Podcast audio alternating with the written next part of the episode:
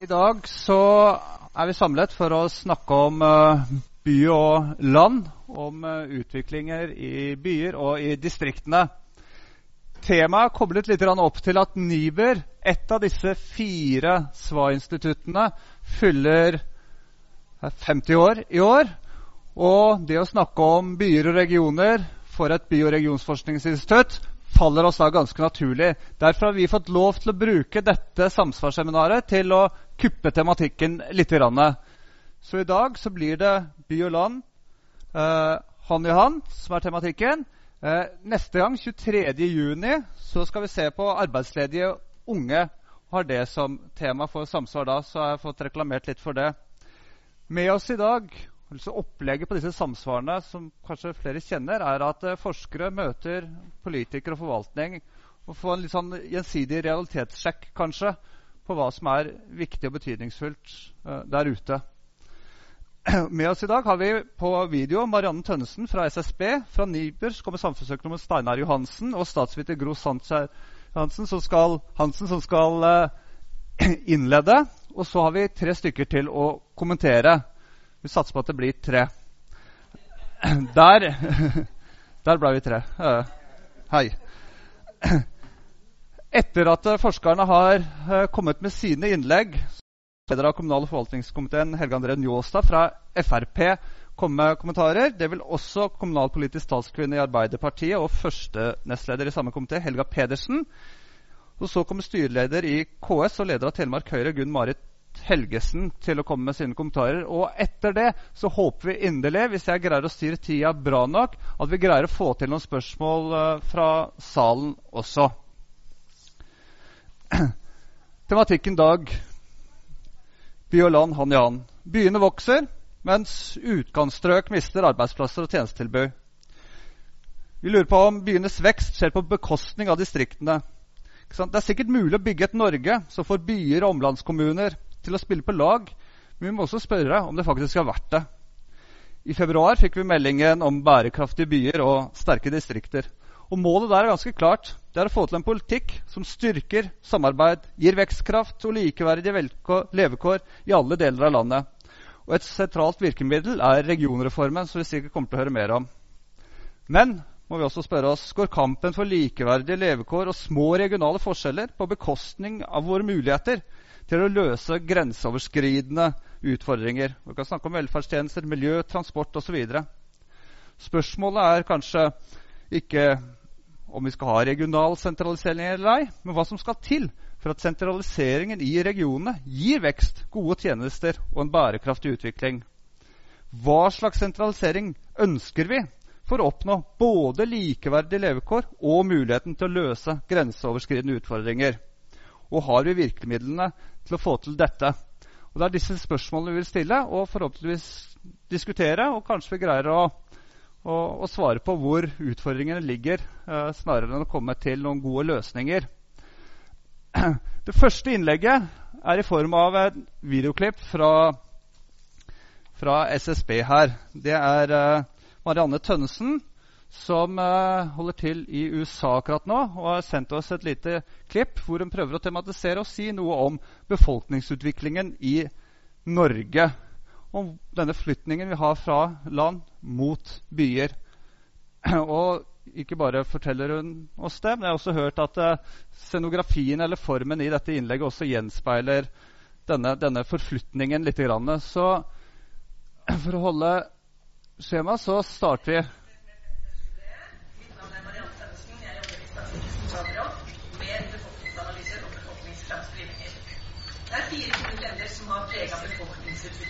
i Norge. Det er befolkningsvekst, innvandring, aldring og sentralisering. Jeg skal si litt mer om hver av disse. Befolkningsvekst har vi hatt i Norge stort sett hvert år de siste 100 årene. Sist gang det var nedgang i folketallet, det var i 1882, under den massive utvandringen fra Norge til Amerika. Men vanligvis er det altså befolkningsvekst i Norge hvert eneste år, og veksten har vært særlig høy de siste ti åra. For 50 år siden, da Nibel ble stifta, var folketallet i Norge 3,8 millioner. Nå er det nesten 5,3 millioner. Så befolkningen i Norge har økt med halvannen million bare på de siste 50 åra. Innvandring er en viktig forklaring på denne befolkningsveksten. innvandringen til Norge for 50 år siden var ikke særlig høy. Så har den økt, og særlig økte den etter utvidelsen av EU i 2004 med mange innvandrere fra Øst-Europa. I dag er det over 700 000 innvandrere i Norge. Og så nummer tre aldring. Eh, hvis du går tilbake 50 år i tid, så var det ca. 1 million barn og unge eller personer under 16 år i Norge. Det tallet er omtrent akkurat det samme i dag.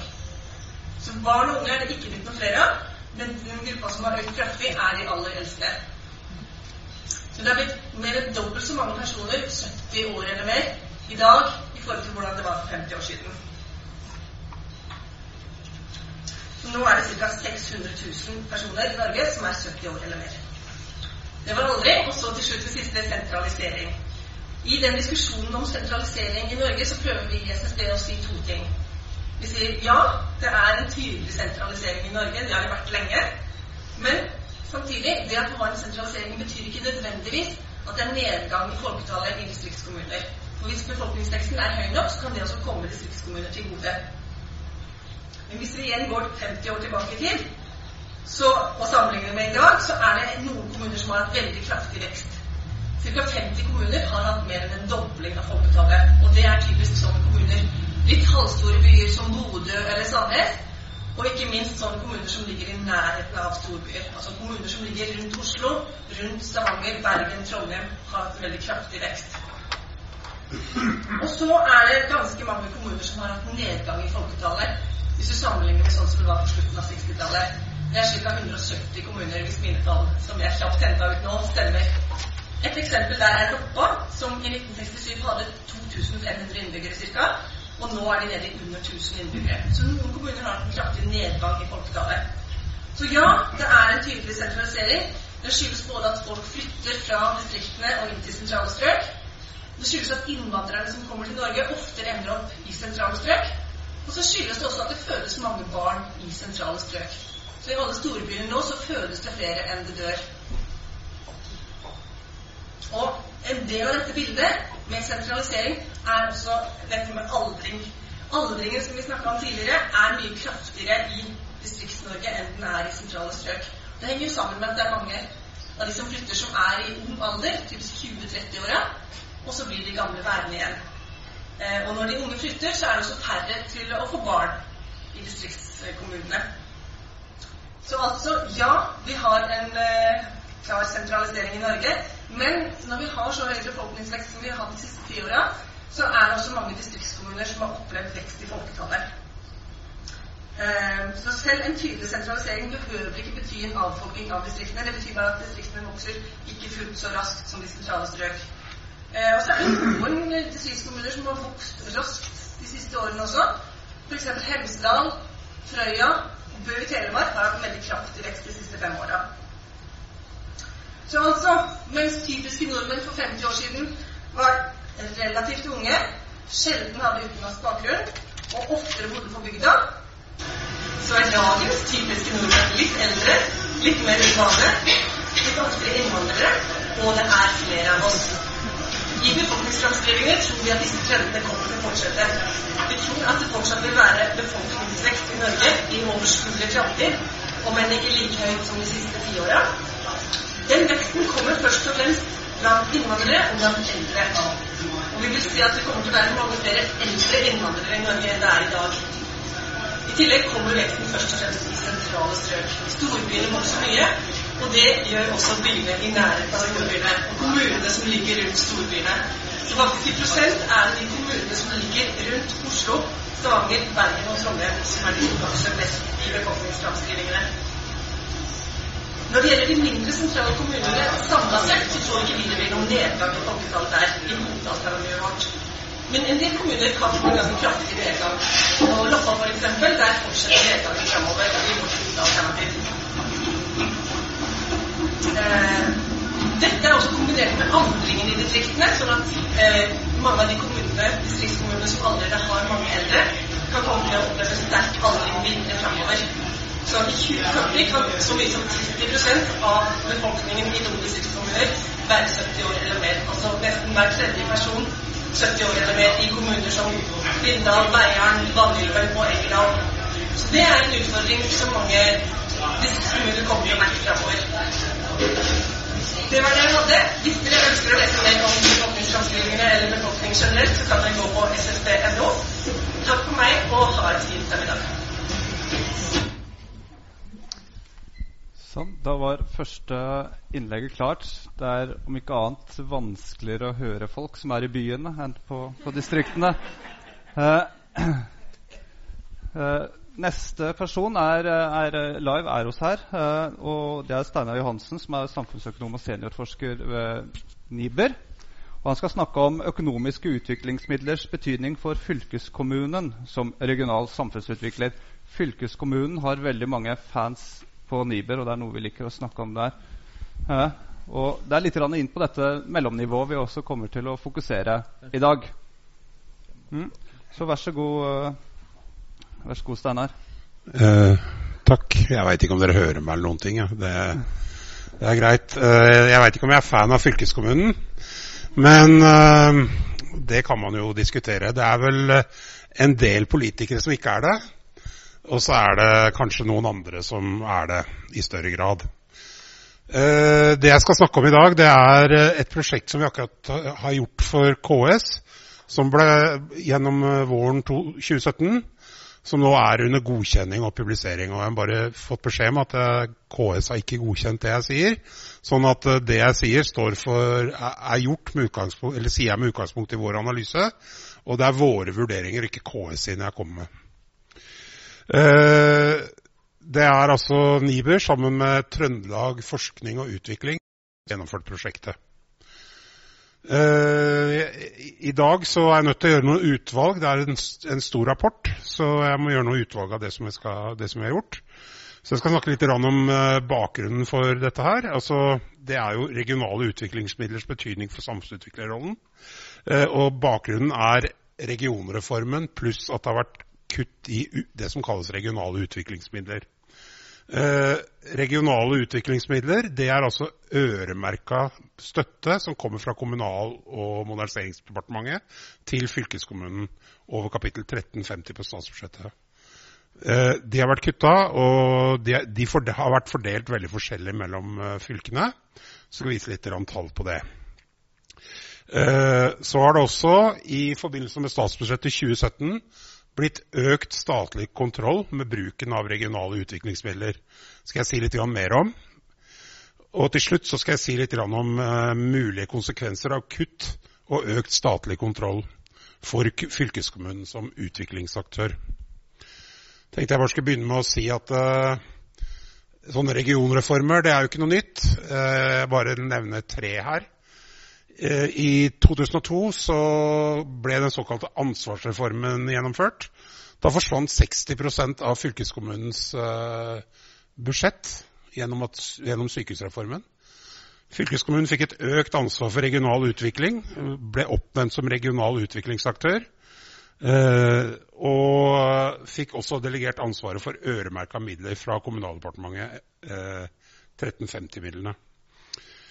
I 2010 så var det en stor diskusjon i forkant av 2010 da, om man skulle uh, redusere antall uh, regioner i Norge.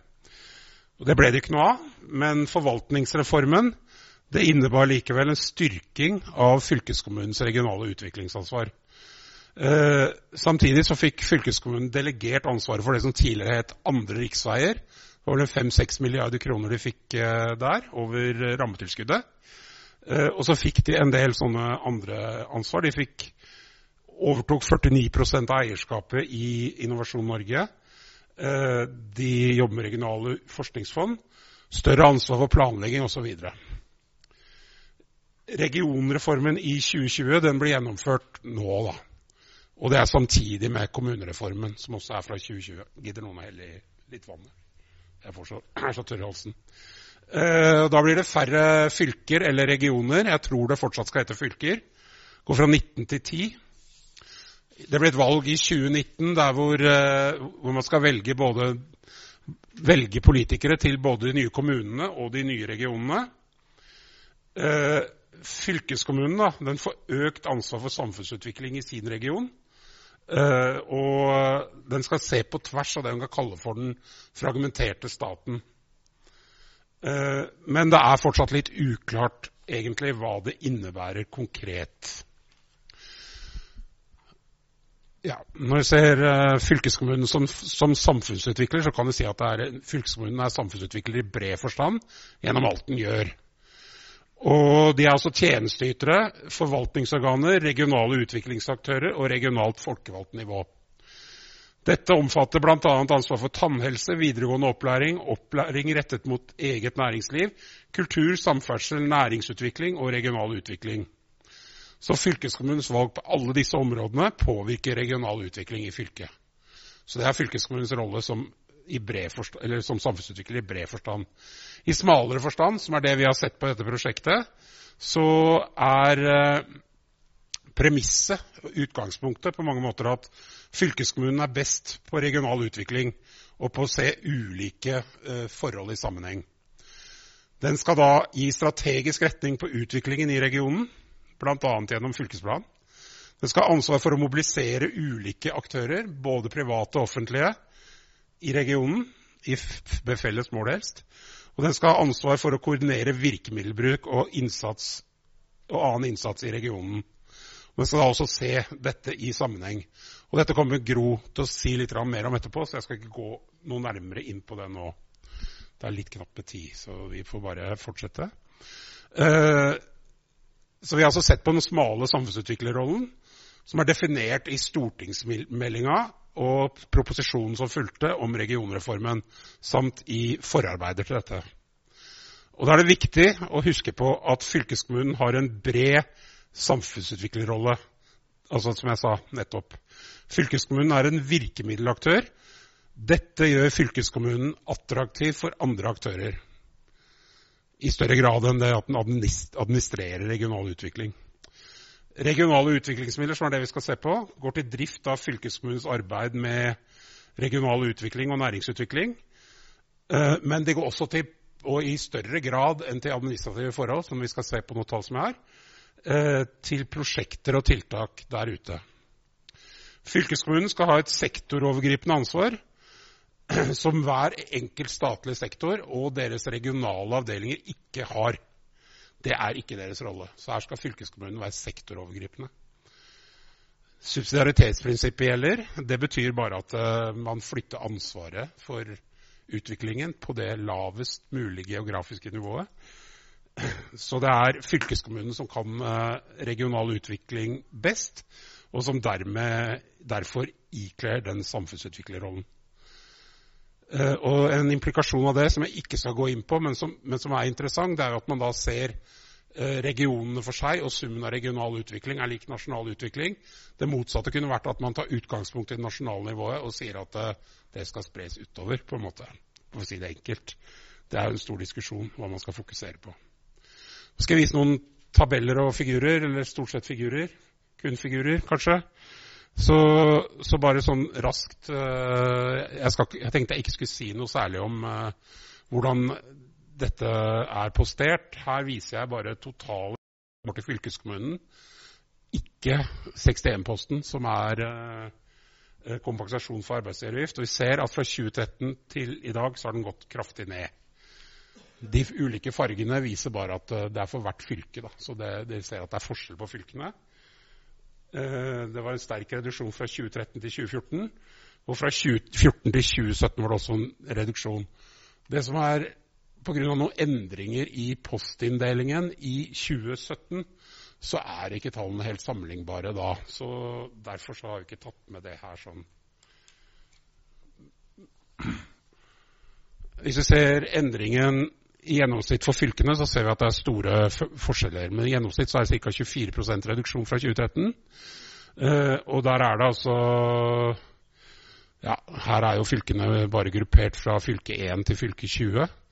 Fylke er det 13 som ikke fins lenger? Bergen.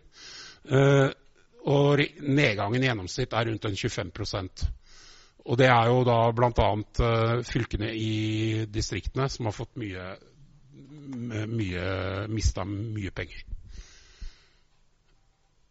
Så er det bare sortert uh, bevilgningene i 2016 etter fylket. Og her ser vi at uh, det er fylkene i Nord-Norge som får mest. Og egentlig det vi kan kalle for distriktsfylker, som får mest støtte over 60-posten. Uh, ser du per innbygger, så endrer uh, rekkefølgen seg noe, men uh, det er fortsatt sånn at det er distriktsfylkene som får mest per innbygger. I gjennomsnitt så er det 211 kroner per innbygger over 60-posten som gis til fylkene. Minst til sentrale fylker. Så er det bruken av midlene. Nå har jeg også sagt noe om bevilgningene. Bruken av midlene dette er hele 1350, og dermed så endrer rekkefølgen seg litt. Her altså, her har man brukt pengene på ulike mål, og de målene er delt i hovedmål. Det er de som står her. Og så er det delmål for hvert hovedmål. Nå kan jeg lese opp de delmålene. Uh, det skal jeg ikke gjøre. Men uh, mål én er næring, vekst og sysselsetting. Og det er der de fleste fylkene bruker mest. Altså det er det de fleste fylkene prioriterer høyest mål to og tre, som er forbedra rammebetingelser i byer og svake regioner. Og, og, attraktive regioner og tjenestetilgang i svake regioner. Det prioriterer de omtrent like høyt, da. Dette er sånn som situasjonen er nå. Vi. Kan godt si mer om målene, altså, men uh, jeg tror vi bare går videre så kan fylkeskommunen velge å forvalte pengene selv eller fordele ut pengene til andre forvaltere. Og det den gjør Det fins da flere grupper med forvaltere. Eh, det er da fylkeskommunen sjøl. Det er Innovasjon Norge. Kommune, regionråd, Forskningsrådet, Siva eller andre. Så det er mange forvaltere som kan forvalte disse pengene. Eh, og her ser vi at eh, Innovasjon Norge er en, en populær forvalter. Og Det er en sammenheng mellom bruk og forvalter. Innovasjon Norge har en høy andel fordi mye av midlene som fylkeskommunen får fra eh, Kommunaldepartementet, brukes på næringsutvikling. Og Innovasjon Norge er flinke på næringsutvikling. Så er det noen fylker som har stor næringsavdeling, og de bruker da mindre over Innovasjon Norges budsjett. Eh, og på Vestlandet så ser vi også at det er relativt sett mest penger som går fra fylkeskommunen til kommuner og regionråd. Så det ja. Så kan vi si at fylkeskommunens fylkeskommunenes Nå skal jeg gå over til å diskutere inntekts- og utgiftsstrukturen her. Da. Det er veldig enkelt, dette her. Fylkeskommunens inntekter består, av frie, inntekter. Det er ca. to tredeler. Det er veldig grove brøkker her, så det må dere ikke ta helt, uh, som helt nøyaktig. Da. Så er det øremerka tilskudd som går til spesielle tiltak, så ca. en tredjedel. Både øremerka tilskudd og frie inntekter går til uh, drift av fylkeskommunen. Og da kan si, Her er sagt alt unntatt regional utvikling, som er det vi snakker om i stor grad. Så er det ca. 1,1 milliarder kroner som går uh, av øremerka tilskudd som går til regional utvikling, som er de som kalles for utviklingsmidlene. Totalt har fylkeskommunene ca. en omsetning på 100 milliarder, så det er drøyt 1% Så tilfører fylkeskommunene ca. 1,6 milliarder kroner av egne midler, eller ca. 60% Så dermed så bruker de ca. 2,7 milliarder kroner på regional utvikling og næringsutvikling. Og det, dette er da cirka, altså i underkant av 3% av fylkeskommunens omsetning. Og eh, ja, så Når vi da sammenligner det med totale budsjettet, altså fylkeskommunens brede samfunnsutviklerrolle, så ser vi at det er, eh, det er stor forskjell på omfanget her. da.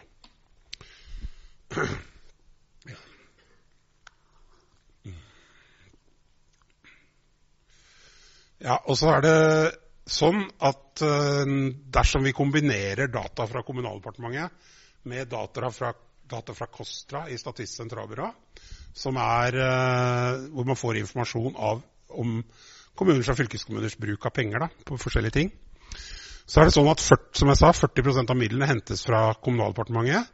60% fra andre kilder. Det kan du lese ut av KOSTRA ved å kombinere med data fra Kommunaldepartementet. Så kan man selvfølgelig diskutere om uh, de to datakildene er sammenlignbare, men uh, det skal jeg ikke gjøre nå. Jeg kan lese rapporten.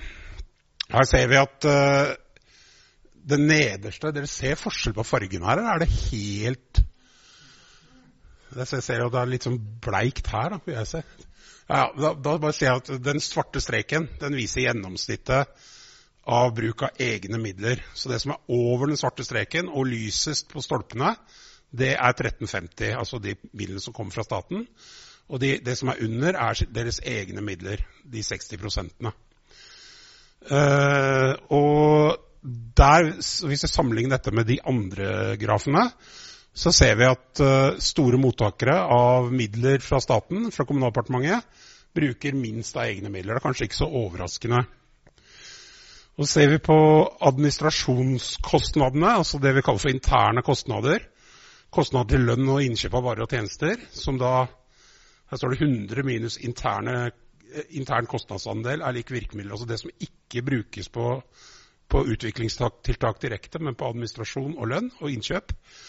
Eh, det der varierer det veldig, men det er ca. 25% av, eller drøyt 25 da, av, eh, av, de midlene som brukes på regional utvikling i fylkeskommunene, det er, eh, går til administrasjon.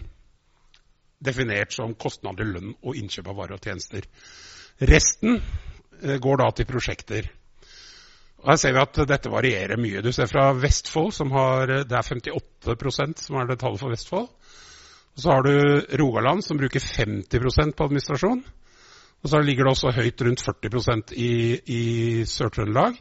Men så ligger det altså lavt Administrasjonsandelen er lav i fylkeskommuner som har som bruker altså store mottakere av midler fra, fra statsbudsjettet, altså de øremerka midlene, regionale utviklingsmidlene, de bruker gjennomgående mindre på interne kostnader og mer på virkemidler, altså prosjekter der ute. Skal jeg prøve å være litt Det er bare et par foiler igjen, så det går bra. Eh, fem minutter igjen. Eh, og så, så, vi, så lurer vi på hva, hvilken betydning virkemidlene har. Da har vi stilt noen spørsmål. Utløser virkemidlene generelt midler også fra andre aktører? Og da så vi at det var vesentlige bidrag fra fylkeskommunen sjøl. De bruker en del av sine egne midler. Eh, og så er det sånn at eh, normalt så vil 100 kroner brukt av fylkeskommunen utløse mellom 100 og 200 kroner fra andre aktører. Altså vil si en dobling til tredobling av midlene som fylkeskommunen bruker. Så det er ganske mye som hentes ute. 100 kroner kan utløse opp mot 300 kroner fra andre aktører i til enkelte tilfeller. Da får du firegangeren. Uh, og her er andre aktører private og offentlige midler. da. Så er det spørsmål om uh, utviklingsmidlene utløser marginale prosjekter. Altså prosjekter som, som uh, Altså noen prosjekter som får støtte, de overlever ikke uansett. Og noen prosjekter som får støtte, de vil, vil, ville fortsatt uansett. Så altså ville, ville greid seg uten. Da. Og det er om å gjøre å treffe dem som hvor man på en måte utløser eh, varig eh, at prosjektet fortsetter. Som, og, det er, og det er ca. 70 av midlene, ifølge evalueringer, har middels til høy utløsende effekt. Ganske mye. Så 30% har ikke det. Uh, midlene er viktige for fylkeskommunens mobiliseringsevne. Det har vi sagt. Det bidrar til at fylkeskommunen blir en attraktiv samarbeidspartner. Fylkeskommunen må både ha prosjektmidler og utviklingskompetanse. Og det er spesielt viktig overfor kommuner gjennom kommunale næringshold og omstillingsmidler. Bare sånn kort om endringer i målstruktur. Eh, I 2017 så altså, har man gått fra distriktsutvikling til regional utvikling. Legger større vekt på regional utvikling over hele landet enn på utvikling i distriktene. Og det blir en tydeligere målstyring og direkte kobling mellom målsettingene og statsbudsjettets poster. Man kan diskutere om målsettingene har endra seg, men det blir en tydeligere direkte kobling. Det blir en økt statlig kontroll med bruken av utviklingsmidler. Eh, og spørsmålet er om det er en innstramming av fylkeskommunens handlefrihet. Eh, så er det det siste. Framtidig ressursbruk på samfunnsutviklerrollen. Vi husker at eh, ja, eller vi kan si at signalene fra sentrale myndigheter spriker. Samfunnsutviklerrollen skal styrkes i de nye store regionene. Eh, Det er det ene. Og samtidig så reduseres, eh, reduseres 1350-midlene, eller regionale utviklingsmidler, i omfang. Og det blir sterkere målstyring og sentral kontroll med bruken av midlene fra 2017. Så man kan spørre seg hva fylkeskommunen tenker da. Så er det sånn at uh, den framtidige ressursbruken på samfunnsutviklerrollen avhenger av hvordan fylkeskommunene prioriterer. Uh, og de prioriterer ulikt, og noen steder, spesielt sentralt, der er det regional utvikling uansett hva fylkeskommunen gjør. Andre steder, spesielt i distriktene, så er fylkeskommunen vesentlig mer aktiv i regional distriktspolitikken. Noen fylkeskommuner vil bidra med egne midler, andre vil redusere aktiviteten ved kutt. Så vi mener vi har vist at Fylkesutviklingsmidlene har stor betydning for fylkeskommunens samfunnsutviklerrolle. Fylkeskommuner med mye utviklingsmidler er aktive regionale samfunnsutviklere, og prosjektmidler gir fylkeskommunene mer makt som samfunnsutviklere. Og Det du da kan spørre, da, det er hva skal fylkeskommunen bidra med framover? Og hva er det egentlig som ligger i samfunnsutviklerrollen? Og hvordan skal dette arbeidet finansieres? Da var jeg faktisk ferdig, og så kan dere se på rapportnummer og sånn. Og hvis dere vil ta kontakt, så er det bare å gjøre det. Takk.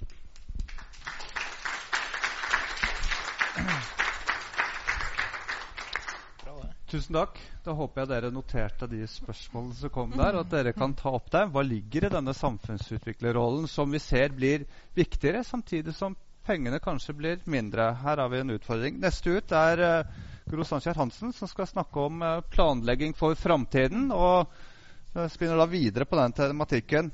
Og hvem sitter da med nøkkelen til å få til god planlegging? Vær så god, Gro. Tusen takk. Hører dere meg nå? Det er bra. Eh, jeg skal da spørre har vi de gode forutsetningene for et samspill mellom by og land. Eh, SSB, Det vi hørte fra SSB nå, det er at frem, både tendensene vi ser og fremskrivningene forventer da en regional sentralisering og en relativt ujevn fordeling av vekst, men hvor det knipper seg rundt. Sånn det er 50 kommuner som vokser veldig, og det er by- og omlandskommuner som vokser mest, og sånn vil det fortsette. Den situasjonen der krever i større grad enn vi kanskje har opplevd før, en kommuneoverskridende samfunnsutviklerrolle. Hvor altså kommunegrensene uh, i mindre grad enn før er hinder for å se uh, et stort bilde. Og Vi ser det i flere evalueringer av eh, satsinger på by og omland, at det trekkes frem at det trengs en målretta politikk som ser på hele regionen, og hver enkelt kommune utformer sin politikk. Altså, ja, det er kommunen som er viktige myndighetsaktører. Eh, og politiske enheter, men i sin politikk så skal man se til hverandre når man da uh, utøver sin politikk. Dette tyder er på. Jeg vet ikke, Guru, om du er enig, men uh, Stortingsmelding 22 om bærekraftige byer og sterke distrikter opplever jeg nettopp har uh, dette budskapet at man i mye større grad trenger en helhetstenkning. Uh, og jeg mener at den helhetstenkning går er helhetstenkning på tvers av kommunegrenser, på tvers av by- og omlandskommuner, særlig pga. den situasjonen her på tvers av sektormyndighetsgrenser og forvaltningsnivåer, og også over tid. Og vi har da på oppdrag av KS og KMD eh, endevendt litteraturen som fins om mellomnivået, for å se hvordan skal denne regionale samfunnsutviklerrollen utøves. Hva ligger i den? Hva er det tidligere forskning sier om det? Også basert på vår egne forskning. Og har da eh, på en måte fylt og sagt at den rollen er, eh, har tre viktige dimensjoner, som også Steinar trakk fram. Både å være en regional og gi strategisk retning for samfunnsutvikling. Avdekke eh, det som er viktig i regionen. Etablere omforente mål, gi strategisk retning, forankre, planlegge. Hvorfor må det være en, en demokratisk oppgave? Vi mener at det, dette her er jo det politikk handler om veldig mye. Få opp det som er viktig, få opp det befolkningen syns er viktig. Å uttrykke den retningen man ønsker å gå. Og aggregere dette. Og at gjenvalgsmotivet til politikerne nettopp gjør en orientert mot det. I tillegg så ligger det en mer mobiliserende rolle i samfunnsutviklerrollen, som Steinar i veldig på god måte nå har illustrert hvordan den faktisk utøves på en bestemt type midler. med å mobilisere ressurskontrollerende aktører ellers gjennom planprosesser, samarbeid, være nettverksnode, og da å forvalte insentivordninger for å få dette til. Hvorfor bør det være demokratisk? Det Eh, argumentet for det, det, er at de vet bedre hvilke ressurser som kan mobiliseres, fordi man ved denne valgmekanismen og politiske organiseringen har mer følehånda ute. Er mer ute der det skjer, vet hva bedrift, hva landskapet, bedrifter og vekstpotensial er. Eh, og dermed kan De kaller det i intervjuer vi har, Eh, både med bedrifter og med andre myndigheter, at man kan være en koblingsboks. Altså Fylkeskommunen kan være en bedre koblingsboks nettopp pga. at du har, eh, det er politisk leder, regionalpolitisk leder. Og vet da mer om steds, eh, stedlig merverdi. Så er det den siste eh, dimensjonen, og den er blitt tydeligere og tydeligere de siste årene. Eh, og det er koordineringsfunksjonen. Og det er at vi har et forvaltningslandskap som er veldig fragmentert. Og man har større og større behov for å samordne en sprikende stat. Altså statlige myndigheter i all sin form og all sin prakt. Eh, som ikke nødvendigvis koordinerer seg med hverandre. Noen må gjøre det. Hvorfor må, skal det være en politiker? Altså, hvorfor skal det være en politisk? For Her kan man tenke seg at Fylkesmannen som en for statlig aktør kunne ha en samordningsrolle, og det har han allerede. Hvorfor skal man tenke at en politisk organ bør ha en sånn samordningsrolle? Vi ser at veldig mye av den samordning som skjer i dag, er avveining. Det er avveining mellom eh, interesser. Det berører eh, spørsmålet av politisk eh, natur i større og større grad. og Derfor er denne følsomheten for eh, de regionale rammebetingelsene at her, sånn er konteksten her, blir viktigere og viktigere. Og i den diskusjonen som dere som politikere er nå, vi er jo veldig spent på eh, dette her. og det politiske diskusjonen her om større regioner og flere midler må jo nettopp berøre disse dimensjonene. Og her kan man tenke seg i forhold til mobilisering, som da Steinar har, uh, har, illustrert, så ser man her at flere virkemidler kan gjøre at regionen blir mer attraktive partnere, kan få større uh, på en måte sånn gravitasjonskraft. At de trekker til seg aktører. Kommer, de, de arrangerer arenaer, men at det blir mer interessante arenaer å være på, f.eks. For, for bedrifter. Eh, og at sånne økonomiske stimuleringsmidler og kunnskap og kompetanse vil øke, det, eh, øke, muligheten til å fungere som en sånn mobiliserende faktor. Og det som da ble vist, som Steinar visste nå, var jo at de med mye midler er aktive. Og dette at, 100, altså at det mobiliserer. Du kan få firegangeren hvis man da eh, Visse poster, altså visse midler kan da ganges opp fordi at eh, fylkeskommunene faktisk fungerer godt på den måten. Den diskusjonen er jo En ting er at de skal bli større, men en veldig viktig ting er hva skal de gjøre? Hva skal de gjøre hvis dette er viktig?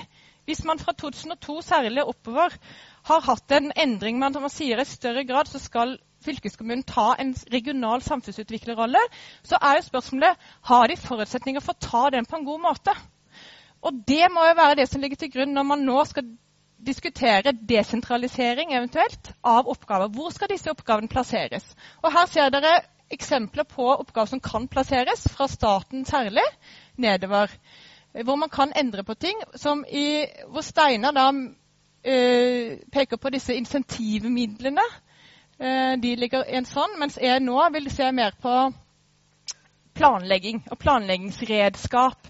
Men her er det veldig mange andre oppgaver. Og det er ikke bare oppgaver, men det er også myndighet og insentivmidler som kan fordeles opp og ned. Og det er akkurat den kambalen som legges i disse dager fremover.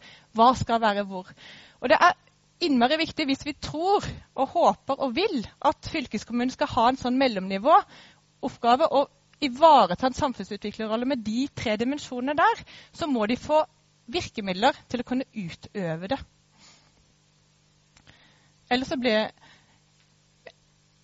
Og da har vi sett på nå i evalueringen av plan- og bygningsloven så har vi sett på Fins det, um, det virkemidler nok der til å ta en sånn rolle?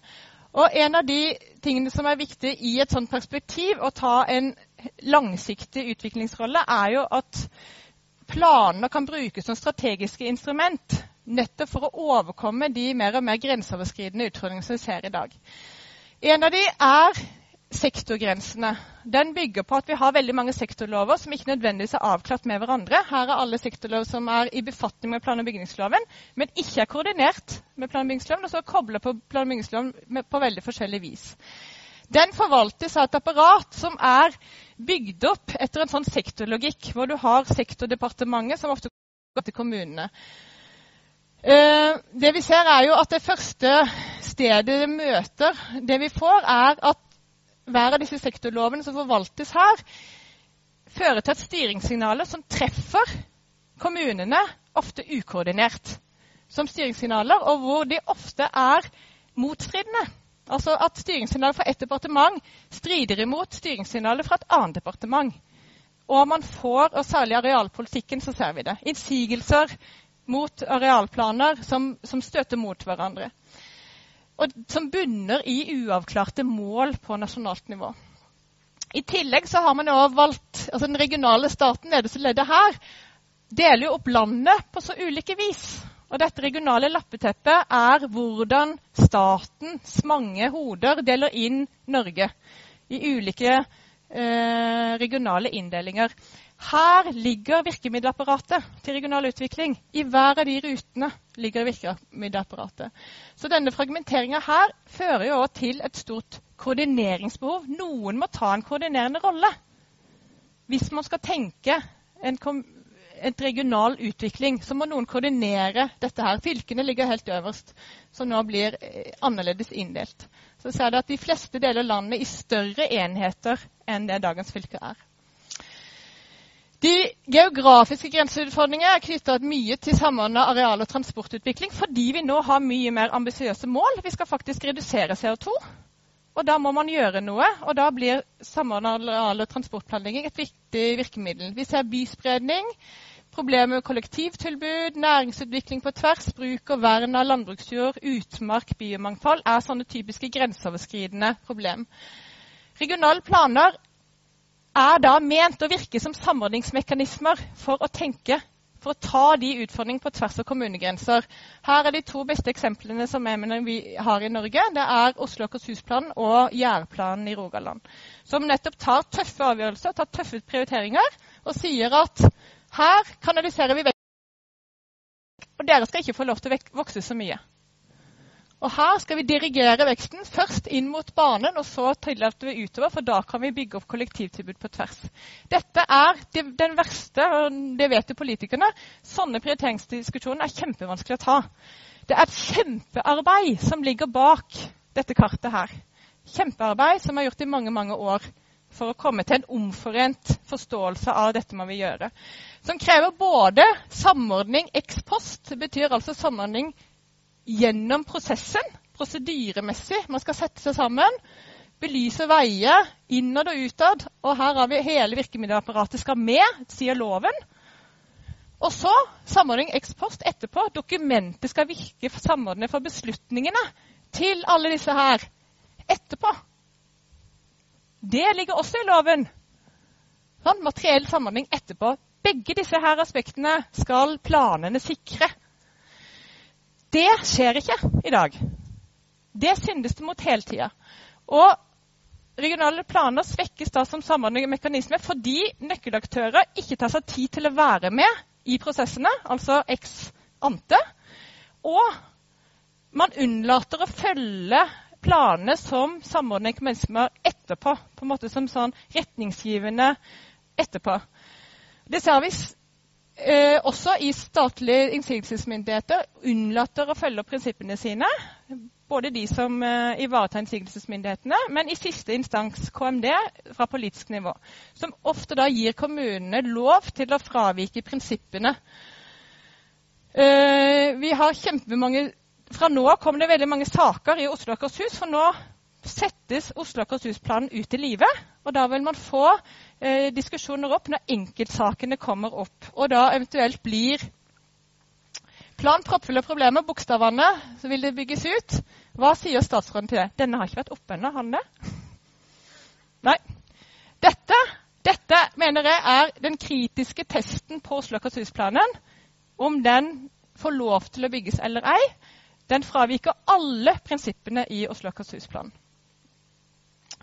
Også eh, Samordningsmekanismen er også på spill dersom statlige aktører får lov til å forbli like ubevisst på hvor, at de har faktisk regionale fotavtrykk. Og Det gjelder særlig i lokaliseringen av arbeidsplasser og tjenestetilbud, men også i virkemiddelbruken sin. Hvordan liksom kanalisere disse virkemidlene til regional utvikling. Eh, og eksisterende lokalisering er ikke optimal f.eks. i nasjonale krav om klimamålsetninger. Vi har sykehus som bygges på jorder.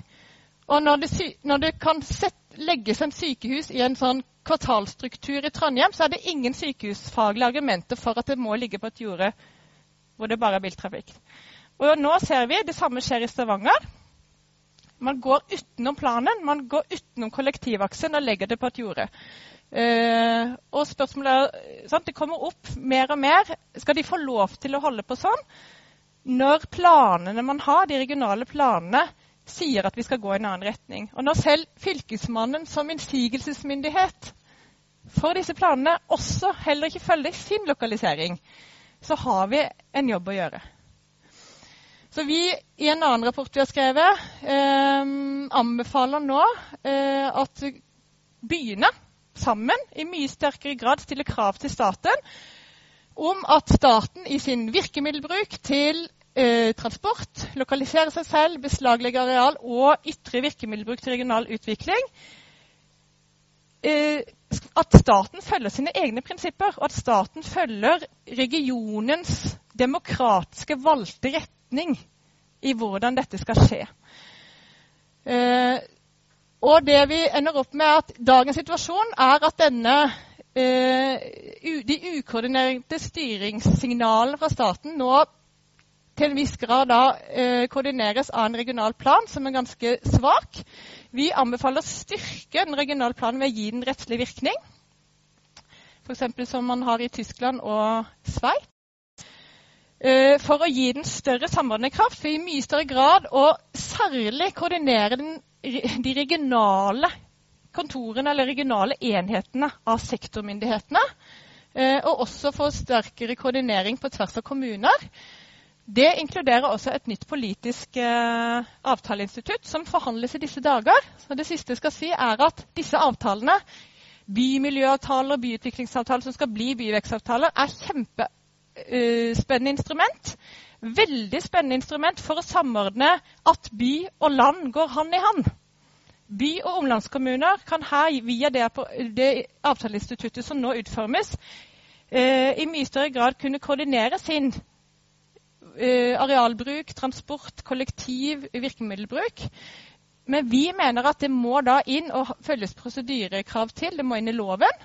Eh, og at statlige Det må binde staten vel så mye som det binder by- og omlandskommuner for at dette skal være gode virkemidler. For vi ser at det er ikke nødvendigvis bare behov for å uh, samordne by og land. Vi må òg samordne by og land med statlige aktører for at vi skal få en god utvikling fremover.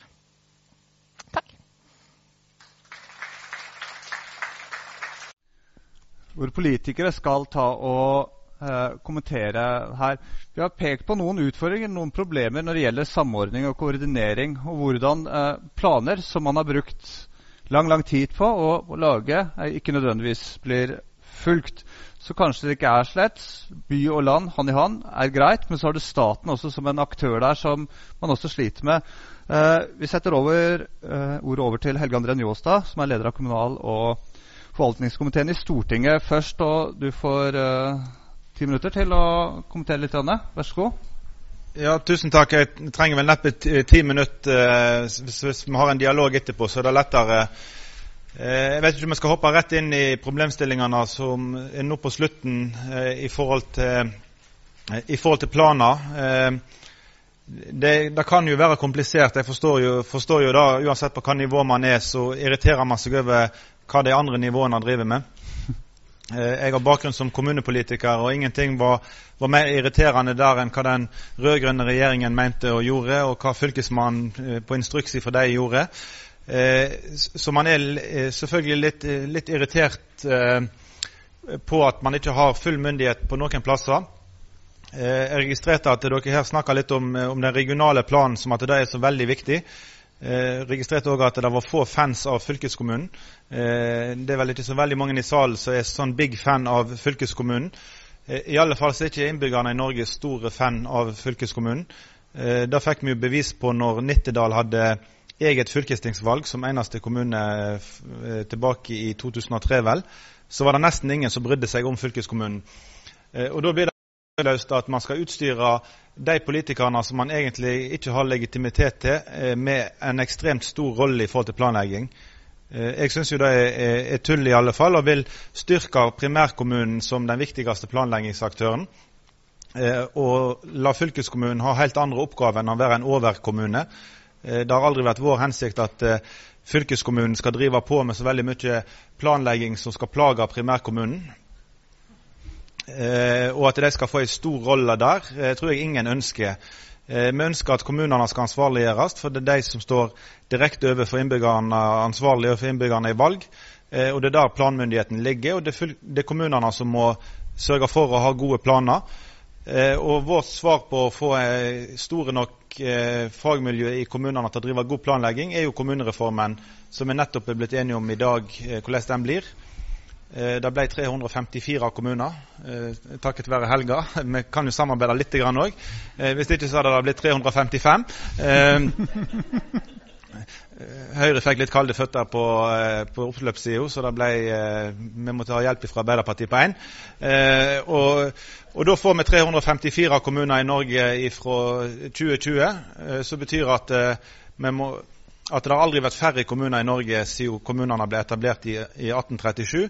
Eh, og vi er helt sikre på at de 354 vil kunne ha større fagmiljø til å kunne være enda bedre både på planlegging og, og drive god politikk. Og da trenger vi ikke å ha noe, noe, mellomnivå som skal drive og plage dem. mellomnivået får drive med utvikling og få spille en rolle. Vi ble òg enige der i dag med KrF og Venstre om eh, de ti regionene eh, og oppgaver til dem. Eh, men for vår del så var det veldig viktig å ikke gi dem oppgaver bare for at de skal ha noe å drive på med. Skal vi gi oppgaver til det mellomnivået, så må det være fordi det blir bedre for innbyggerne.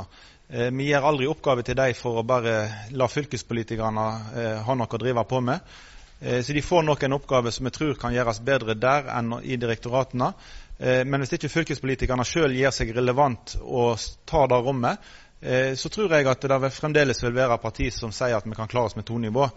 Eh, vi er ikke helt overbevist om at tre nivå er riktig løsning ennå.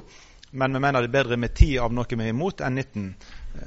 Så derfor gikk vi, gikk vi med på KrF og Venstre sin, sitt ønske om regionene. Og så er det opp til fylkeskommunene å gripe den muligheten de nå har fått til å gjøre seg relevant og sette mer spor etter seg enn det eh, fylkeskommunene fram til i dag har gjort. Så jeg vet ikke, jeg skal gi meg der, jeg, og så tar vi eventuelle spørsmål og dialog videre, tror jeg. Kjempeflott. Ja, da går uh...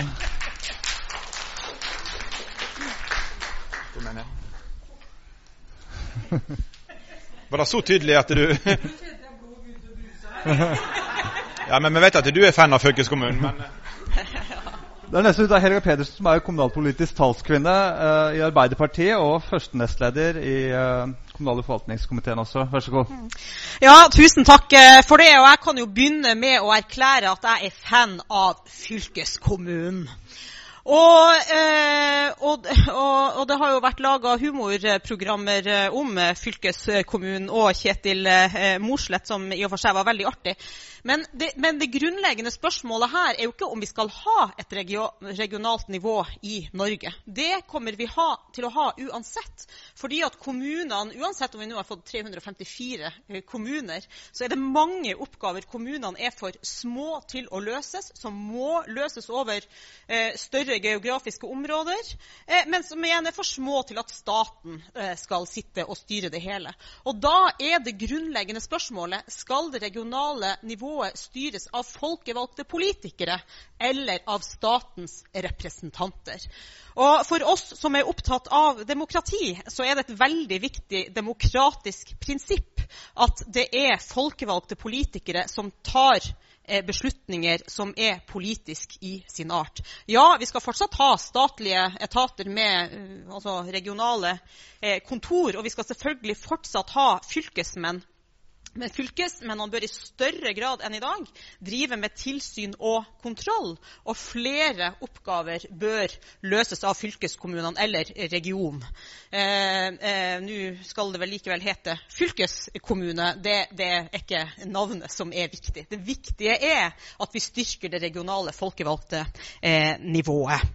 Og, eh, og, eh, jeg tror Helge André har helt rett i at det er mange kommuner som sitter og irriterer seg over stat og uh, arealforvaltning og innblanding og kulturminner og i det hele tatt. Vi ønsker ikke at fylkeskommunen skal gå inn og være overkommune. Men jeg tror, som flere av forskerne, eh, særlig du, var inne på, så kan eh, fylkeskommunen ha en veldig viktig samordnings- og mobiliseringsrolle. Og For å ta eksempelet kulturminner helt spesielt. Den gangen jeg var fylkesordfører i Finnmark, så hadde vi en Fremskrittspartirepresentant som var veldig hissig på de her kulturminnene. Og da sa kulturminnesjefen jeg tror vi må ha en temadag om det her. Og det hadde vi med Riksantikvaren og hele fylkestinget. To dager etterpå så eh, skrev eh, fylkestingsrepresentanten Fremskrittspartiet leserinnlegg i avisa der han takka for det veldig flotte seminaret vi hadde om kulturminner. Han hadde tidligere vært imot, nå var han for. For han så at det her eh, også kunne være en ressurs i den regionale eh, utviklinga. Eh, det var nå bare et eksempel. Eh, Arbeiderpartiet har jo, som dere vet, fra 30-tallet hatt et slagord om by og land, han i han. Eh, det har kommet og gått litt. Jeg mener det er et eh, slagord som er viktigere enn eh, noensinne. Også det med utgangspunkt i de presentasjonene vi nå har eh, fått. Statistisk sentralbyrå eh, snakka jo både om befolkningsutviklinga historisk, men også om befolkningsfremskrivningene fremover. Og For meg som kommer fra et distriktsfylke, så er det jo i befolkningsfremskrivningene til SSB kilde både til eh, skrekk og til gru. Eh, men, men, jeg mener det er viktig når vi sitter her og sier at de fremskrivningene Politikken gjør jo en forskjell, og der mener jeg ikke minst at det regionale folkevalgte nivå har en viktig rolle.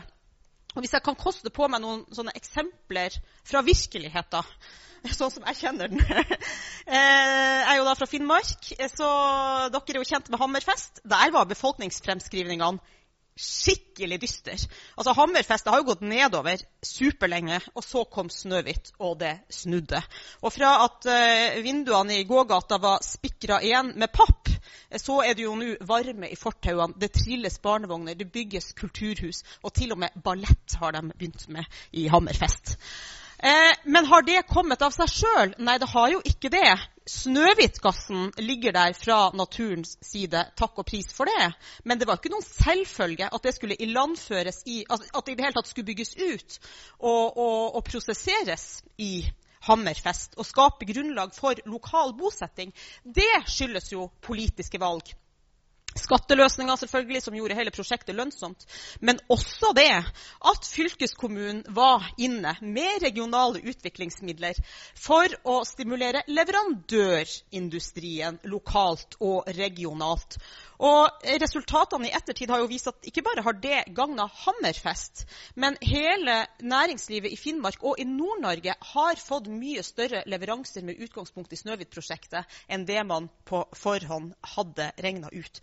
Og, det, og det, det betyr jo også at man kan, man kan eh, la eh, si, markedet styre og tilrettelegge for leverandører fra Vestlandet og pendling, men det går også an å gjøre eh, andre eh, eh, valg. Eh, infrastruktur var også fylkeskommunen tungt inne i for at en liten fraflyttingskommune skulle kunne håndtere vekst hyggelig med vekst, men det kommer ikke av seg sjøl. Og også det med kultur eh, er veldig viktig. fordi som vår tidligere ordfører der sa, her kom det jo søringer og bosatte seg og forventa ballett. Eh, kommunen gjort en stor jobb, men også der var fylkeskommunen inne og eh, bidro. Eh, nabokommunen Hasvik, der så det i samme periode atskillig dystrere ut.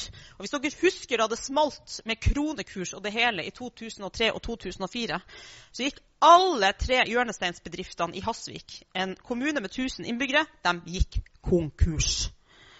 Eh, og mange sånne steder har aldri greid å reise seg igjen, men det gjorde Hasvik. Nå er alt i sving, og de har en eventyrlig vekst.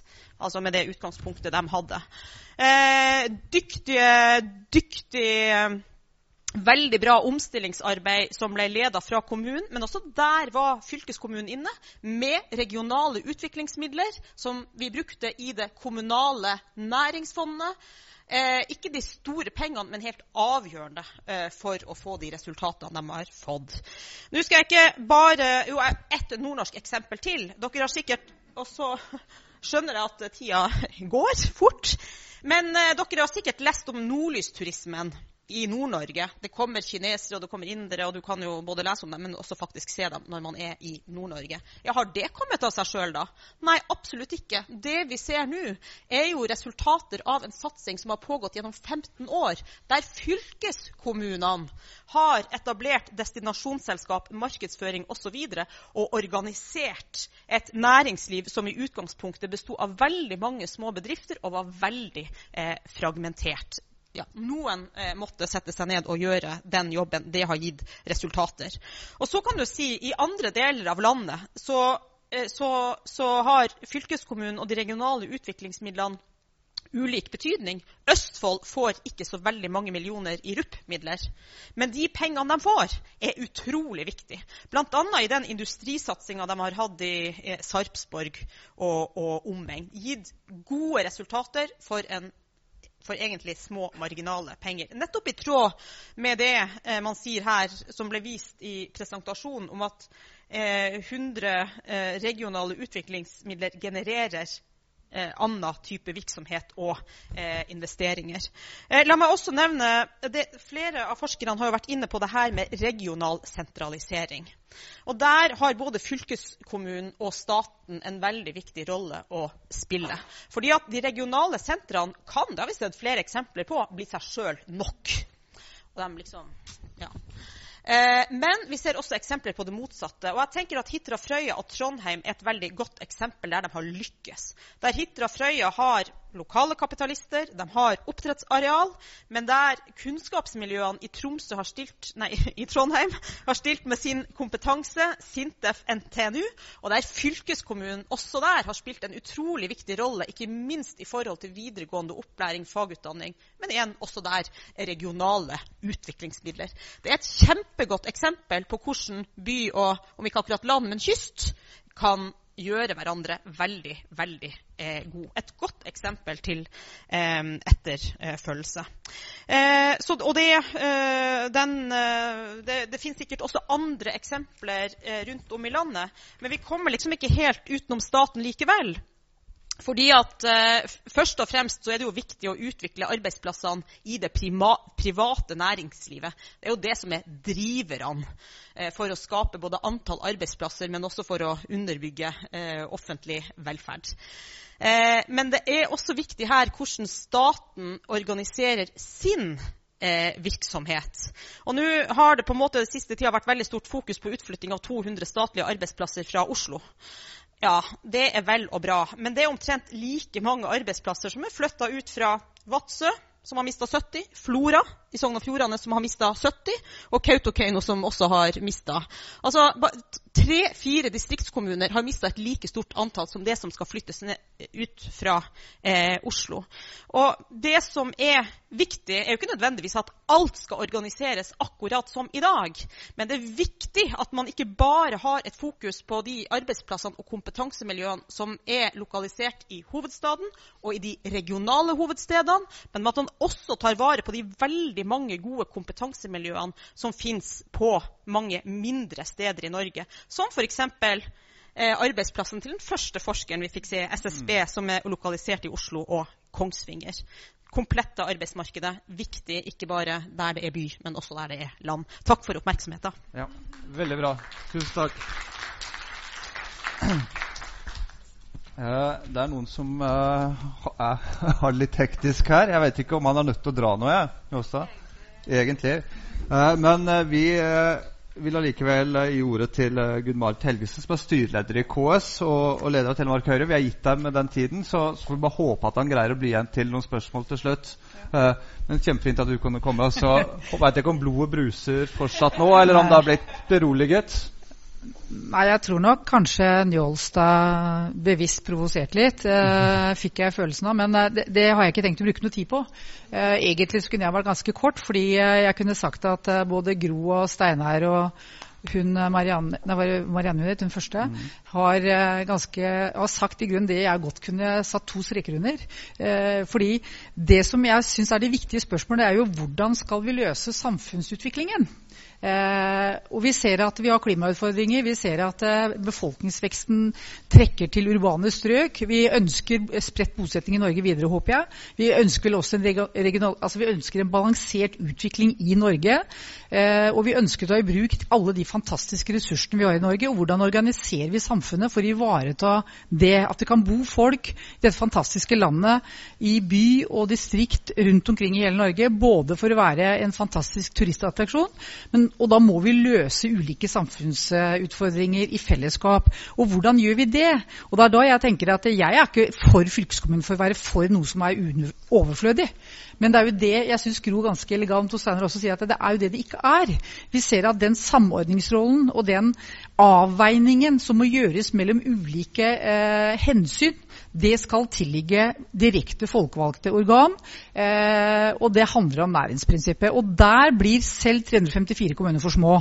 Og det er jo det som er det interessante her. Og når da regjeringen, som jeg er glad for nå sammen med Stortinget, har landa på at det skal være tre direkte folkevalgt nivå, eh, så må man da se på hvordan skal vi fordele det ansvaret slik at vi oppnår de nasjonale målene om, om en balansert utvikling i Norge, hvor ressursene kan tas i bruk, hvor det faktisk er kompetanse og folk som bor rundt omkring i også i nord, så man kan hente opp ressurser. Og Det er det som er det viktige her, tenker jeg. Og så ser vi jo da, For å gå rett inn på rapporten som du har bestilt, som fortsatt ikke er godkjent. Det er jo interessant da, hvis vi sier at det skal være en forsterket rolle eh, på det regionale nivå fordi vi mener det er viktig for samfunnsutviklingen. For det er jo det Stortinget har sagt, sånn jeg leser det. Eh, ja, da må de ha noen virkemidler. Og så ser vi altså at hvis vi gir 100 kroner til fylkeskommunene, så får man 2-3-4 eh, ganger tilbake fordi man mobiliserer både private, men andre offentlige aktører. Og Det syns jeg må være det beste bevis på at det faktisk fungerer å ha et sterkt regionalt nivå som har virkemidler, som har potens, både økonomisk og planmessig, for å nå de målene vi har satt oss. Og Det er jo der eh, for så vidt de Hitra-eksemplene som, som også Helga var innom. Det som er det spesielle der, er jo at Sintef, eh, altså utdanningsinstitusjoner, kommuner, næringsliv, laga denne lakseveien hvor de da eh, bygger en ny videregående skole som fylkeskommunen har ansvar for, med havbrukslinje som spesiale, for å lage denne lakseveien sammen med forskningsmiljøer. Og man bygger vei og infrastruktur for å få det samme. Så her er det jo helhetlige interesser som går sammen, som koordinerer innsatsen, som gjør at man kan bringe den laksen kjapt fra dette området og ut i verden.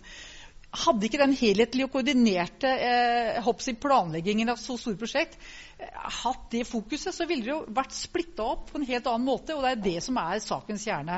Så jeg, det er ikke noe snakk om er man for eller imot fylkeskommunen. Er man for eller imot fornuftig eh, utvikling av landet eller ikke? Og hvordan fordeler vi ansvar på ulike Og jeg må bare si at eh, det er klart det finnes masse flotte byråkrater. Fantastisk mange sterke. Men allikevel, når det handler om å avveie ulike hensyn på vegne av innbyggerne, så må de være direkte ansvarlige i valg. Og Det er jo derfor direkte folkevalgte organ er så viktig. Jeg har bare lyst til å nevne ett eksempel. Vi ser allerede nå med ganske beskjedne midler på regionale utviklingsfond hvordan de har mobilisert forskning i små og mellomstore bedrifter, i offentlig sektor og i større institusjoner som følge av ganske beskjedne midler. Når vi vet at Norges forskningsråd har 15 milliarder, og disse regionale forskningsfondene har kanskje noen hundre millioner, så klarer de altså å mobilisere enormt. Og dette samspillet mellom offentlig sektor, akademia og næringsliv er det som skal til for å utløse og hente tilbake også enorme milliarder fra dette kjempe, verdens største forskningsprogram, Horisont 2020, hvor Østfold har henta ut var det 1,25 milliarder. En bedrift i Østfold har henta ut 1,25 milliarder, skaper masse arbeidsplasser som følge av noen ganske beskjedne virkemidler som man da har delt ut. Dette er bare ett eksempel. Jeg kunne snakka i timevis, det skal jeg ikke gjøre, men poenget er at Vi trenger muskler fordi man da blir attraktiv for samarbeidspartnere. Vi trenger en som koordinerer, og vi trenger også flere planleggere og plan en annen rettslig status på planarbeidet. Jeg er helt enig med Nibir på dette området. Eh, og da eh, syns jeg det er flott ja, at vi har en institusjon som Nibir som faktisk rent faglig går inn og ser på hva skal til for å få til den utviklingen vi ønsker oss. Uh, og Derfor så er jeg helt enig i planloven har litt svake mekanismer for å burde fått en uh, høyere rettslig status, slik at man uh, blir mer forpliktende. og så trenger vi flere planleggere i Norge. Det er faktisk en plankapasitet som er for lav. Der har Stortinget nå tror jeg, allerede vedtatt at Eller komiteen vedtok i går eller noe sånt nå, Eh, at eh, de tar disse høringsinnspillene fra KS på alvor og skal se på hvordan vi kan utdanne flere planleggere, nettopp fordi planlegging i det komplekse samfunnet vi lever i, er så, er så krevende. Men jeg tror jeg skal stoppe der, for jeg syns egentlig Niber eh, har sagt veldig mye av det jeg tenker. Men fylkeskommunene trenger muskler og har et utrolig mulighet for å koordinere eh, viktige samfunnsinteresser hvis det blir muligheten til det. Mm. Takk. Tusen takk.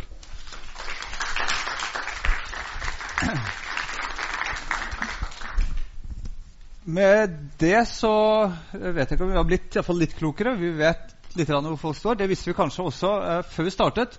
Men jeg har lyst til å invitere også salen til å komme med spørsmål og, og, og, kommentarer til det vi har eh, fått her. Sånn at vi, vi, åpner opp for det. Eh, er det noen som eh, har noen spørsmål? Vi har et par gode forskere her. Vi har tre flotte politikere her, så det er gode muligheter nå til å uh, stille noen spørsmål. Det pleier å være en veldig taltrengt forsamling vi greier å mobilisere her. Uh, dere slipper å måtte ta stilling til om dere er for eller imot fylkeskommunen. Altså mm. uh, jeg, jeg, så at du begynte å sette deg framover på stolen, så kanskje du kunne hvis uh, det ikke Mens andre tenker, så tenkte jeg kan jeg spørre og følge opp uh, Njåstad. Um, jeg bare lurer på, uh, i den partipolitikken deres, hvordan tenker dere å håndtere En ting at kommunen blir større nå, som uh, jo òg Det er veldig mange argumenter for det. Men hvordan tenker man at de kommuneoverskridende utfordringene skal uh, håndteres? For selv med selv med større kommunale enheter så er det jo fremdeles veldig mange av disse kommuneoverskridende utfordringene som er beskrevet her, som ikke kan tas av kommunen alene. Har dere tenkt på hva vil dere gjøre med det? Altså Er det noe mer sånn kommunesamarbeidsvirkemidler dere tenker på hvis ikke det er fylkeskommunen skal ta en koordinerende rolle? Hvem da? Og hvordan da? Du, du, har jo rett i at det vil være eh, områder som trengs eh, en viss grad av koordinering, eh, selv med, med 354 kommuner. Eh, det som er, er, mitt viktige poeng, er at det er kommunen som uansett er planmyndighet. så Vi, vi må ikke løfte det vekk til noen andre som skal vedta planer på vegne av kommunene. Eh, jeg følte man gikk litt for langt. Jeg, ser, jeg er jo lokalpolitiker ennå, så jeg føler det litt på kroppen. Og I Hordaland så har fylkestinget tatt seg en rolle i i en regional plan om, eh, eh, om sjøområdene, eh, der hensynet til akvakultur er veldig lite framtredende. For kommunen føler at det å ha et oppdrettsanlegg genererer store, viktige, viktige bidrag til verdiskapingen lokalt. Staten syns det er viktig med oppdrett og utnytte den. Mens fylkeskommunen har liksom tatt den holdningen at nei, vi må ha et stort sammenhengende verneområde og ikke ta i bruk den ressursen. Eh, og Per i dag så kan det se ut som at, eh, at eh, når fylkestinget gjør et vedtak, så har det rettslig binding som setter kommunen sin kommuneplan sjakkmatt. Og Da er det grunn til at jeg er veldig kritisk til at, at fylkeskommunen har den rollen i dag, og at derfor vi understreker veldig tydelig at de skal ikke bli en overkommune. Eh, fordi at det er kommunen som skal veie ulike hensyn og si at her er det greit med oppdrettsanlegg. Eh, det er feil at, eh, at fylkestinget skal, skal, mene noe om det i en enkeltkommune, mener jeg og, og, partiet mitt. Når det gjelder store samferdselsprosjekt, så har vi jo brukt statlig plan i større grad. og Det vil være fornuftig å gjøre det der man har store utbyggingsprosjekt som, som går over flere kommuner. Jeg har mye mer sansen for samarbeid mellom kommuner i å lage en felles interkommunal plan, eh, enn at man løfter beslutningen til fylkestinget. Eh, for da er det hvert enkelt kommunestyre som må gjøre vedtaket, og vi anerkjenner at de har det siste ordet, og ikke fylkestinget. Så Eh, så, jeg er ikke noen stor fan av fylkeskommunen som planmyndighet, og kommer aldri til å bli det. For, for jeg mener at det lokale hensynet og det nasjonale hensynet er viktigere enn en akkurat fylkeskommunens sitt hensyn. Ja, nå har jo en enstemmig nett, eh, komité nettopp, eh, nettopp, avgitt innstilling om regionreformen, der det står at man skal styrke fylkeskommunens planleggerrolle. og Regjeringa har til og med foreslått å lovfeste regionalt planforum nettopp for å gi eh, de her eh, regionale planene eh, større eh, status. Eh, men, men, eh, regional samordning handler jo om mye mer enn arealforvaltning, som jo er eh, viktig nok. Altså ta videregående opplæring. Eh, ta, altså, de, de, de, fleste, eh, de fleste eh, fylker, eh, sånn som vi kjenner dem i dag, har jo et behov for å samordne sine utdanningstilbud på tvers av kommunene. Og hvis vi tar de mer spesialiserte, altså Dess mer spesialiserte fagutdanninger vi snakker om, dess mer tydelig eh, blir det. Alle kommuner kan ikke ha en landbruksskole. Alle kommuner kan ikke ha blå linje. På Hitra, nei, på, I Frøya så ville det jo neppe blitt en nybygd videregående skole med blå linje dersom eh, kommunen hadde ansvaret for videregående opplæring. Dette er jo kun mulig fordi at man ser større geografiske områder og mange ulike næringer i eh, sammenheng. Eh, så, så, igjen, det er ikke et spørsmål om vi skal ha regionalt nivå i Norge. Spørsmålet er om det er fylkesmannen som skal styre dette i fremtida, eller om det er folkevalgte politikere. Fint, takk. Jeg vil også trekke opp litt det Steinar avsluttet med. Dette, dette eh, spennet mellom at man får, eh, får eh, stadig større eh, roller og oppdrag og oppgaver, samtidig som finansieringen forsvinner litt. Kanskje KS eh, du, du, du, snakker ikke for KS her, men, men jo, kanskje likevel. Eh, ja, ja, det, her er det noen utfordringer. ikke sant? Ja, jeg tok først og fremst på meg KS-hatten, men det er så fint med den, for den er politisk. Mm. Så trenger jeg ikke være så partipolitisk. For det viktigste er jo det, Du har helt rett, eh, og det sa jeg forstått også. Dette ta, har vi tatt opp med, med, regjeringen i konsultasjonene jevnlig, og kommer til å fortsette med det. Fordi eh, økonomi gir deg potens når du skal ut og samarbeide. Eh, og hvis du da mener at du skal styrke en regional eh, utviklingsaktør, og sier det, i diverse stortingsmeldinger. Og så etterpå så blir det Og det er ikke bare regjeringen som kan klandres, det er også forhandlinger om et statsbudsjett og Stortinget til slutt, som da vedtar endelig statsbudsjett. Og så sitter man da og eh, forhandler bort regionale utviklingsmidler, som er noen av virkemidlene. Eh, og så er de ganske beskjedne. Når du tenker på at man bruker 100 milliarder, var det dere hadde tallet til fylkeskommunene samla? 100 milliarder, altså du bruker kanskje 1,5 milliard, var det vel, og så er det kanskje nede i 1 milliard nå. Så er du egentlig vet du hva, det er ganske smålig å plukke av de små midlene eh, når det gjelder Hvis man virkelig mener at det skal bidra til regional utvikling. Så, så, egentlig så skjønner jeg ikke logikken i det, jeg personlig, men eh, det tar jeg nå opp med regjeringen. Jeg tar opp med Stortinget når jeg møter de på høringer. Poenget må jo være at eh, man faktisk får til det man har bedt de om å gjøre. Da må man jo ha potens. Jeg tror alle partier har noe å svare for. Så jeg, jeg forsvarer egentlig ingen. Jeg syns alle partier har noe å svare for. Og det som er problemet, er at disse utviklingsmidlene eh, Noen av de er eh, på en måte sånn, de har ikke noen etikett på seg. Og Derfor så er det lett å ta det i en forhandlingssituasjon i Stortinget, også når man skal begynne å finne inndekninger på hjertebarna i, eh, for partiene når man skal forhandle. Så er det lett å ta de, fordi de er jo egentlig helt fri. Og de kan brukes til Interreg, de kan brukes til altså europeisk samarbeidsprosjekter, de kan brukes til næringslivsprosjekter sammen med lokalt næringsliv osv. Så, så, så de har på en måte ikke noe, de har ikke noe uh, etikett på at det skal gå til barnevern eller til videregående opplæring, men det, det kan brukes for å fremme og skape verdier, arbeidsplasser, eh, kulturattraksjoner osv. Så, videre. så det er lett å ta de. Men poenget er jo at det er, jo, det er ganske kjipt da, å ta den lille båten når du ser eh, på et statsbudsjett som er så stort som det er. Men det skjer hele tida. Og jeg tror det skyldes at er så, det er ikke noe definert den skal brukes til. Men det er jo interessant når vi da vet at Norge bruker milliarder på å kjøpe seg inn i europeiske programmer. Og vi får beskjed fra UD om at de ønsker at kommuner og fylkeskommuner skal hente tilbake mye av de milliardene som går til f.eks. Horisont 2020. Eh, men da må man jo ha noe egenkapital. Mm. Ja, Men så tar vi jo inndrar de, da. Ja, Hva pokker er igjen da til regional utvikling eller til å hente hjem eh, god forskning for å, eh, for å, utvikle det norske samfunnet? Så for meg så er det helt sånn derre ja, hodet i ermen og ermen i bind eller noe sånt nå, eh, politikk. Og jeg skjønner det altså ikke. Jeg tror alle har noe å svare for på det området. Men du, du trenger økonomiske muskler eh, for å drive den rollen de skal gjøre. Og så har de mange andre roller i tillegg. Men jeg syns som sagt det eksempelet nede i, eh, nede i uh, Halden, hvor man altså går inn og ser på smart energi Eh, på sånn smart grid, altså disse, nett, disse, energinettverkene, hvordan man tenker teknologiutvikling. Og man altså henta tilbake 1,25 milliarder. 33% av alle Horisont 20-midler har gått altså til Østfold.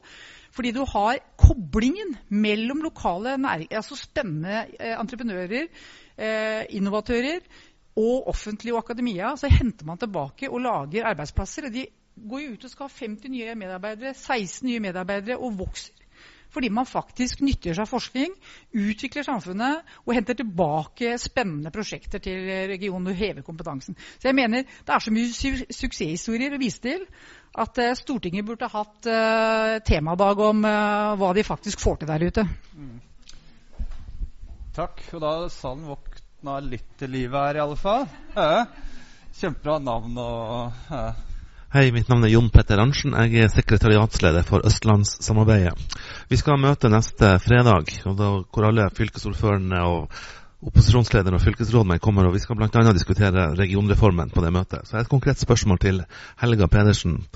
Skal eh, vi vente til etter valget med å begynne å tilpasse oss og forberede oss på den nye regionreformen, eller skal, eh, eller skal vi eh, sette i gang med å tilpasse oss det som ligger i innstillinga fra komiteen? Aha. Sånn passe herlig konkret. Uh. Tusen takk for spørsmålet. Det setter jeg veldig stor pris på. Eh, altså, jeg vil først bare komme med en eh, replikk til Gunn-Marit, som holdt et veldig godt innlegg. Men bare for the record, Arbeiderpartiet har ikke vært med på å kutte i de regionale utviklingsmidlene. Ja, nei, du, å, nei, nei, ja, det må være i så fall veldig mange år siden. De ble økt kraftig under den rød-grønne regjeringa.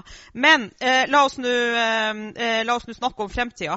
Eh, Arbeiderpartiet kommer for det første til å stemme imot nye Viken. Vi mener, eh, vi, altså For det første så ønsker vi ikke å tvangssammenslå fylker. Og for, for det andre så er det en merkelig konstellasjon å, å behandle ha, fra Halden til Hallingskarvet som en bo- og arbeidsmarkedsregion, og enda ha en hovedstadsregion uten hovedstad hovedstaden. Eh, Dette tror vi ikke er et godt bidrag til å løse samfunnsutfordringer på en bedre måte. Og, dessuten er det sånn at dersom eh, vi vinner valget og kommer i regjering, så vil vi ikke gjennomføre eh, tvangsvedtak som fylkeskommunene ikke står ved. Så hvis et, minst ett av de fylkene som er berørt, ber den nye regjeringa om å omgjøre det vedtaket, så vil vi omgjøre det. og det her som nå omtales som en regionreform, er jo strengt tatt ikke det. Eh, fordi at man har jo ikke avklart framtidige oppgaver til det regionale folkevalgte nivå. Det er jo en ren strukturgjennomgang som ikke har forankring, altså bortsett fra Agder så har det jo ikke forankring i de fylkene eh, det gjelder. Og det kjøres jo eh, gjennom i Stortinget med et knappest mulig flertall.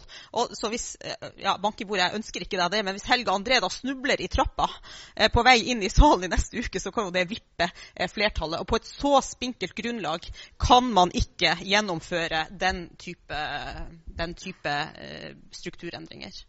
Så ja. Det første jeg sa til kommunalminister Sanner når han tiltrådte, var at eh, når det gjelder kommunereform, for da ble det lansert som en stor ambisjon, eh, her må dere få bredest mulig flertall på Stortinget, for det er det eneste som bærer i et langsiktig perspektiv. Så jeg er veldig lei meg for at ikke man her har klart å få et, et veldig bredt forlik eh, som bærer utover fireårsperioder. For det nytter ikke å gjøre sånne store reformer til omkamper hvert fjerde år. Det er, det er direkte uansvarlig. Men når det er sagt, så syns jeg jo eh, at Og jeg er enig med Helga på et område at vi gjerne skulle sett flere oppgaver. Men jeg har lyst til å minne om at i 2010 så klarte jo selv ikke en flertallsregjering med tre partiprogrammer som alle sa de skulle styrke det regionale, klarte jo ikke å gjøre det. Og det fikk ikke noe særlig mye mer oppgaver den gangen heller. Jeg skulle gjerne sett mer oppgaver nå. Men det jeg hadde lyst til å si var at jeg tror vi må starte å være litt prinsipielle og si at hvis vi ønsker et regionalt nivå, så må vi starte, gjerne, kunne gjerne putte av mer oppgaver allerede nå, men hvis man virkelig mener noe med å samle en fragmentert stat i de nye regionale strukturene som etableres, så ville det vært uansvarlig gjort alt det i én jafs. Eh, og Det er jo derfor dette ekspertutvalget skal sette seg ned og se hva kan flyttes over, hva er hensiktsmessig, hvor er gråsonen osv. Eh, og det må nødvendigvis ha større tid. Hvis ikke så ville det vært direkte uansvarlig. Men at det kunne vært mer oppgaver i denne reformen, det er jeg enig i. Men det ville vært uansvarlig å putte alt det vi snakker om, om det er innenfor kulturmyndigheter, om det er innenfor enda mer på samferdsel, burde Sam Sayed-stasjonen allerede vært om det er helse eller om det er innenfor for eh, alle de på Innovasjon Norge, næringsutvikling osv., så, videre, så, så må man jo på en måte med respekt å melde ha noe, eh, noe utredninger i bånn før man flytter den fragmenterte stat i den samme regionale inndelingen. Men for all del, jeg skulle gjerne sett mer eh, enn det som ligger der nå. Ja, løfter om omkamp allerede. Ja, ja det, det, er vel det samme vi ser som vi så på 90-tallet. Da var det motsatt. Arbeiderpartiet kjørte reformer, og Høyre og oss sa nei. Og nå er det motsatt. Så det er vel bare en takk for sist eller en, eh, en, et ønske om å, om å, ikke ta ansvar for å gjennomføre ting som er, er nødvendig. Jeg skulle gjerne hatt med flere. Jeg var glad for at dere kom på oppløpssida i én kommune, sånn at, at, dere er med å bestemme noe i denne reformen. Men eh, selvfølgelig skulle vi gjerne hatt et bredere samarbeid. Eh, registrerer at da blir det ikke. Eh, så får jeg håpe at eh, for ettertida så får man si at da er det 1-1 i forhold til å obstruere hverandre sine reformer. Den 90-tallet sa høyrepartiene nei til, og denne her har dere sagt nei til. Og så håper jeg at man hadde eh, kunne akseptert vedtak som er gjort, og ikke ha fokus på reversering. Eh, jeg tror Arbeiderpartiet gjør en liten tabbe med å sette i gang reversering. Eh, man får en rasende fylkesordfører i Hordaland mot seg. Man får mange lokale Arbeiderpartifolk som advarer mot dette. Så, hvor klokt det er å få en kommunal- og reverseringsminister etter valget, det vet jeg ikke. Eh, det beste er jo da å ikke skifte ut eh, regjeringen og la den fortsette i, i, i, fire år til, sånn at disse tingene får satt seg. Eh, og så er og så er det ikke et første ledd i, å legge ned det regionale nivået, eh, med mindre at fylkespolitikerne sjøl gir seg overflødige. Hvis de griper rommet, eh, så vil fylkeskommunen ha det bedre i framtida. Men om jeg dessverre springer, for TV 2 vil ha en kommentar om denne innstillingen vår og, eh, som vi gjorde i dag. Så gleder vi oss til åttende. Skal prøve å ikke snuble. Men hel heldigvis er det to stykker som må snuble samtidig for at det skal forrykke det. Men det blir spennende åttende med full sal. Ja. Tusen takk for at du kom. Da avslutter vi.